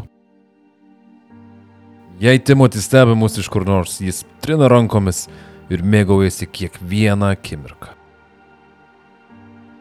Jo, ačiū Aivari, kad pristatėjai šitą visiškai nežinotą prieš tai, e, prieš tai istoriją. Čia aš tikriausiai patekčiau tų racionalių žmonių kategoriją, kur, tipo, jų, žinai, fuck around and find out. Tu prasme, jeigu eini į grizlių, net ne šalia jų, ne, ne grizlių, šalia, šalia meškų, ne, net ne šalia jų, bet į vietą, kur Pas jos būna dar pavojingesnės, tą specifinę urvų kažkokią sistemą. Ne? Tai atrodo tiesiog klausimas, kad kada įvyks šita, šita tragedija, nes ateis diena, kai trūks maisto ir meškas pras, kad tu nesi kita meška, nes atrodo labai arogantiška galvot, kad gyvūnas tave priims kaip savo. Aha. Labai toks žmogaus arogancijos dalykas, kad tu gali Jo, apsimest gyvūną, tiesiog pakeisti rūšį. Pasipūtimas toks. Jo, toks, nežinau. Bet aišku, gaila žmogus ir labai gaila, gaila Eimitos, kuri turėjo mirti šalia, šalia šito viso dalyko ir labai, labai, labai baisia mirtim. Bet tai dėl to mažiau įdomu nepasidaro. Ir suprantu, kad ta istorija tikriausiai niekada nemirs, nes labai mm. skirtingus polius uh, žmonių apriepia, ne? Gali arba labai patikti, arba būti atmetimo reakcija iš karto toje vietoje. Tas jo, tavo aspektas dėl to racionalumo, aš irgi turbūt esu tame, bet kartu ir, žinai, pačioj, pavyzdžiui, Džanso knygoje kitose straipsniuose yra kalbama apie šiaurės uh, genčių, tų tribalinių visų kultūrų ar nereliginius įsitikinimus ir kad tam tikrų metų šamanai ir taip toliau, jie iš tikrųjų elgdavosi panašiai, jie eidavo arti meškų, jie bandydavo elgtis kaip jos ir tapti kažkuria prasme jomis. Tik tai tiek, kad, nu, Žinai, man kas iš to? Visiškai suprantama yra noras, tarkim, pažinti kitą gyvūną ir netgi ėjimas arti jo, ar gal netgi radimas kažkokio dvasinio ryšio, bet būtent tas aspektas, kad jis įsirinko pačią pavojingiausią vietą, Jo. pamiršdamas savo savisaugos visiškai instinktą, būtent rodo tą aroganciją, Mhm. tokią, kad tu jau manai, kad tavęs tikrai nepuls. Kai rodos žmogus, kuris pažintų gamtą, ne, suprastų, kad gamta yra žudo, gamta nesi, nesicaskina iš Jo, to. ir ypač Aleskui. Jo, Jo. jo. Daug čia kartų keitėsi mano norai, kiek aš tų meškų noriu. Tai kiek dabar nori? Vienos mažos ir negresyvios. Tai panda, nusipirkti. Pliušinės, ne? Va gal pliušinio. Gal, gal kažkaip su lapė sustarsim, gal neapsimes meška kažkurios vakarus. Bet ačiū už e, šitą labai raminančią istoriją. Aš šiaip tamsėjau šitas sezonas ir e, nors ir sakom, kad bus geresnių dalykų. O, Kai sukram iššikti žmonės yra jau ta švelnioji dalis. žinai. Atrodytų, gali vadinti meškų entuziastą, Bet man labiau jis atrodė kaip garbės ir šlovės entuziastas. Ir Toks- visiškai suprantu tokį požiūrį. Analoginis podcasteris, žinai. Nei pridėtinės vertės jokios, tik tai, tik tai garbės kažkokios susilaukti. Pačiam svarbu. Jo. Bent jau mums nereikia paversti miškų šūdą. Palauk dar. Jo, jo, atsiprašau. Tai atrodo, kad tas uh, per daug gal pasitikėjimo savim padarė du dalykus. Tai pirmas dalykas buvo, kad visą šitą istoriją padarė apie jį, o ne apie meškas. O antras dalykas, ką ta arogancija padarė, tai, nu, nužudė jį. Ir dvi meškas. Ir draugę, kurios iš vis jo ten neturėjo būti, jau beveik buvo iš... Taip. Beveik buvo grįžus ir kažkaip, uh, nežinau. Nu, kaip sako, Gaila. skupus moka du kartus, žinai. Bet, uh, bet po, uh, ponas Dūkšta norėjo dėmesio, tai uh, dėmesio ir gavo. Ir, ir amžiams liko Aleskoje prie meškų, tik tai vat, meškų ekskremento pavydalu. Kad net nespėjau iš ekskrementinti jo tenai. Jis liko O, tai ne, net tas nebuvo. Bet ką supratau, didžiausias dalykas, tai yra, kad uh, trūksta gal tik tai nikščių jom, nes meškų revoliucija yra tik tai laiko klausimas. Mm -hmm. Dietlovas viską sudėjo. Bet ačiū, Aivarai. Prieštringos mintys išgirdus šitą istoriją. Už tai, kad iš vienos pusės pikta dėl visko, ką jūs pasakėt, žmogus tiesiog prisidangstydamas šis kažkokio tai e, mokslu, kažkokio tai e, niekino neprašyto poreikio saugot gyvūnus savo aplinkoje, kurie net nėra kažkokiam pavojui, išskyrus patys nuo savęs, vieni nuo kitų, e, išvarė ten. Ale iš kitos pusės tai nu, ma, mane tai biski žavi, žavi, kad jisai gyveno ir, ir žuvo savo sąlygom. Ir jis netgi, jeigu tikėt citatom, jisai netgi numatė, kad mirs. Ir vos ne, nesakau, kad aktyviai siekė, ale pagal savo gyvenimo būdą numatė, kok- kokias likimas gali jo laukti. Ir apskritai mane, man yra pavydu žmonių, kurie sugeba išlaikyti savo dėmesį ir susidomėjimą vieną temą 13 metų tiesiog išsirinko savo, va, nu dabar meškos, va. Nuo šito momento meškos yra mano dalykas ir aš jau meškom užsimšiu visą gyvenimą. Nu tai šitas tai yra wow. Ačiū už istoriją. Tai nežinau, ačiū, kad, Tai kad paraš- prisijungėt, kad išklausėt. Parašykit komentaruose, kaip jums atrodo. Ir ar esat turėję panašių susidūrimų su meškom, grizliais ar Taip. kitais panašaus tipo gyvūnais, kaip mūsų mylimas Tomas turėjo? Ar Tikrai turime įdomu? Survivorų? Ar turim jo survival? Jeigu esat meška ir klausot, parašykit, ar jūs yra gaudęs kada nors žmogus į Tomą panašus. Arba žemaitis. Meškas sėdi namuose, klauso podcast'ą, valosi ginklą. Va, kur jis yra. Į Punską važiuojat. Baig, Aš bijau roletą pakelti dabar.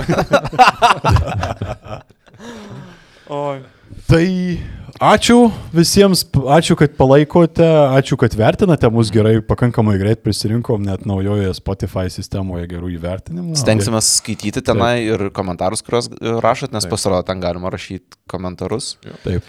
Ačiū, kad palaukėt Jo, savaitę. Taip, taip, pasistengsim už visą tai atsi, Kompensuoti, sakant, taip. Būtinai nueikite į ką šneka Lenkija, Tomas jau yra grįžęs. Jau tai grįžau. Turėtų būti prisikaupę daug visokiausių. Jau ir yra ir įrašų, jau, ir, Jau skaičiau. Jau visko, tik tai eikit skaitykite. Facebook'e kažne kalenkė, po Facebook'o mūsų postų apie šitą epizodą rasit tagą, pagal jį tikrai galite rasti, arba pas gerbiamą ir gražų Tomą Marcinkievičių ant Facebook'o. Gražų į barzdotą. Gražų į barzdotą, taip. Dabar man, tik paskutinį dalyką pasakykit, tai ką man daryti, kai sutiks mešką? Daryk, ką nori, Pavlai. Daryk, ką nori. Šiaip, ai, nu šiaip jau nebebus prasmės kažką daryti, daryk, ką Tu nori. Ne, jau- nemaitink. Ja. meškos. Bet, Paul, tu žinau, kad tu jau esi situacijoje, kur Jesus has taken the wheel already. Dabar tu jau, jau kaip jau bus. The Taip. bear has taken the wheel. Kažkaip kapuera pradeda gintis. Eik tu geras kapoeirą nugalėt mešką. Ne, ne, ne, aš nenugalėt, aš tiesiog kažkaip kartu pradedam šokti susiliem, tiesiog kaip viena. Per daug konkvu pandos žiūri, povilai. Gerai, iki kito karto visiems. Šia linksma gada. Iki. Iki. O pabaigai žiemoti pasiruošusios meškos dydžio padėka kiekvienam iš mūsų didžiųjų kontripį rėmėjų. Gigantišką ačiū tariame Rasai Emon Zemon, Juliui M, Tomui, Renata J, Irmantui P, Albinui M, Laurai, Dariušui B, Žiedūniai, Jėvai A, Ernestai, Tautvydui, Doviliai V, Augustai L, Sandrai M, Ingai, Simui B, Osvaldui, Gabijai D, Aušrai, Tomui K, Jurgitai Z, Teddy K, Erbraideriui, Aušriniai A, Antemeridija, Mariui V, Nerijui, Lincijai, Kiedriui N, Robertai, Ernestai, Monikai B, Gabrieliai, Voltaire Punk, Astai, Semui G, Mantui Kul, Mindaugui J, Dan, Simonai, Rimantui L, Rūtai, Andriui, Vaidui Bu, Persivaliui, Mildeliai, Justui D, Linai J, Brigitai S, Arnoldui, Marijai T, Nastiušai, Arvidui, Barbalicious, Sauliui S, Arūnui L, Edvinui J, Nešiaip Indrei, Dianai B, Rokui M, Akviliai, Rasai S, Grėtė R, Ufonautui,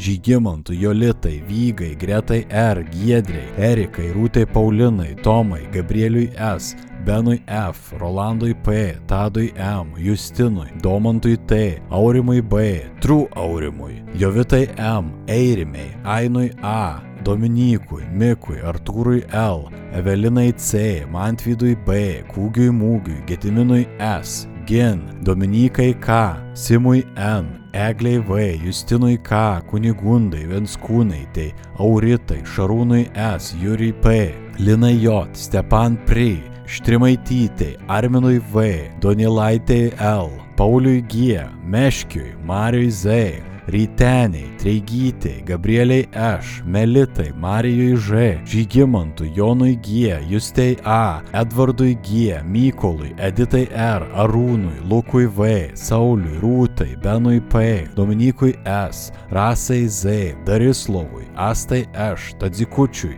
Remigijui, Gretai, Egliai S, Audrai, Mikipūrui, Doviliai, Andreliui, Simui D, Mariui, Domukui, Mildai, Vaidui M, Bučinskaitė, Gretai R, Agniai, Akučkaitė, Bytskai, Jorindai K, Simui M, Povilui V, Tomui B, Egliai Č, Marijui V, Julijai, Mantui K, Robertui P, Mindaugui V, Pijui V, Pauliui R, Vytautui J, Deimantei, Mantui V, Dėdei Tomui, Alvitai Č, Eimantui Z, Viliui, Skirmantei, Monikai B, Aušriniai A, Kristinai D, Ungurių valdovui, Arnui, Aidai L, Medeinai M, Urtei, Egliai B, Gintai A, Doviliai, Mantui T, Inesai G, Gaudentui B, Agniai, Mykolui V, Dianai Z, Dariui, Linai, Akviliai K, Raimondui Ž, Eitvydui, Inai, Gailiai, Mirandai Z, Justin G, Jeva T, Agniai U, Dariui, Virjau Punk, Dievui Agurkui, Laimonui V, Petrui M, Liudui U, Redai, Pauliui, Raimondui Kil, Solveigai, Kristei S, Vytautui, Justui P, Almantui, Migliai, Karolinai Š, Audriui, Kamiliai, Robertui, Marijui N, Robertui R, Vaidutui A, Tomui S, Geruliai, Gyčiui B, Irmantui, Aretui, Silvijai, Rokui J, Soliukiai, Elijui J, Martynui V, Simonui U, Kestui P, Daliai, Tumėniai, Gustei Marijai, Linai G, Aistei V, Arnui J, Vilitai, Rimantei Š, Rasai S, Deimai H, Donatui, Gabrieliai P, Rekui, Giedriui, Kornelijui, Šiget, Ignui A, Doviliai, Simonui, Rimai, Vikai, Antropikui M, Lukui, Reinoldui, Ievai, Viliui P, Matui E, Gretai B, Misteriui Mindaugui J, Eimontui R, Astai, Ugniai B, Audriniui, Paulinai, Ptišč, Rūtai, Juditai, Tėvo Vamzdžiui, Evelinai I, Daugelieniai, Dariui K, Viliui, Igniukui, Ernestui 473, Juliui A, Kristinai, Gerdai G, Pauliui N, Egliai, Justinai, Ingridai, Andriui, Kristinai, Mindaugui D, Lagaminui, Agnainiui, Indrei, Maiklui Skotui, Viktorijai L, Aistei E, Vytautui, Sandrai K, Austėjai S, Reptilijui, Gvidonešiui, Jevai D, Šliaužytei, Žakamama, Sandrai, Karoliui K, Medžiui, Gabrieliui M, Margaritai, Giedriai A, Džiugui, Edvinui V, Thastin, Ponui Jorijui Kompostui, Elvinui D, Zabirkai, Editai, Ramintai M, Charlie from Verdansk, Gvidui B, Šarūniai, Martynui, Justė Pripustė, Kalviui, Samantai, Antanui, Medai Kotrynai, Monikai, Domantui K, Pauliui Lau, Mindaugui, Džiugui K, Donatui L, Vytautui, Artūrui S, Edmundui J, Julijai, Simonai, Monikai Žil, Povilui, Ekviliai J, Vilmai, DJMTV, Pauliui Š, Jovitai K, Agnietei, Ingridai P, Laidai NKTV, Živiliai Jevai, Gabrieliai, Karoliui P, Eugenijui, Neringai V, Migliai, Gretkai, Riokui, Rokui K, Simonai, Kiprui N, Robertui D, Mindaugui, Evaldui, Astai Skro, Arnoldui, Vnurčikui, Vaidotui, Betonburniai Vagonetei, Jogiliai, Tadui R, Rimai Kats, Donatui, Migliai N, Pisimantui Makštučiui, Markui Gin, Linai, Max Galingumui, Agniai S, Renat, Haliucinui, Gretai Tišk, Brigitai N, Barškalui, Gerdai, Laurinui K, Rapului, Jevai, Viktorijai Š, Beatričiai J, Ingridai V, Vaidui J, Nykštukų fabrikėliui, Neringai S, Evaldui S, Arūniai, Donatui, Tomui Baranauskui, Birutei P, Birutei, Viktorijai, Eimantui K, Kamiliai, Deimantai, Vytautui P, Deimantai, Laimonui, Exibau, Dariui, Mariui, Benediktai, Mantūsui, Kristinai, Doviliai V, Įdomui, Hulinariai, Justinai S, Sigitai, Bemetrai, Biezdoriui, Duonatui, Ugniui Ž, Liniui, Adrijui, Dainorai, Ritai, Julijai S, Duke Silver, Artūrui, Erikui B, Tomui Š, Mariui Ba, Egliai Tree, Erikai, Giedriui Mantui, Dietlovo meškutėms, Dainiui, Godai, Viktorui Bag, Irmantui, Hagretai, Evelinai Ž, Martinui, Ievai K, Emilijonai, Egidijui U, Mantvidui K, Mantui, Daivai R, Liudai, Dominikui, Vismantai, DJ Music, Pelėdžiukams, Monikai, Ievai P, Arūniai, Neringai, Mildai, Audriui ir Gražviliai. Ačiū, kai žinome, kad jūs su mumis kartu, joks grizlis nebaisus. Iki kitų kartų.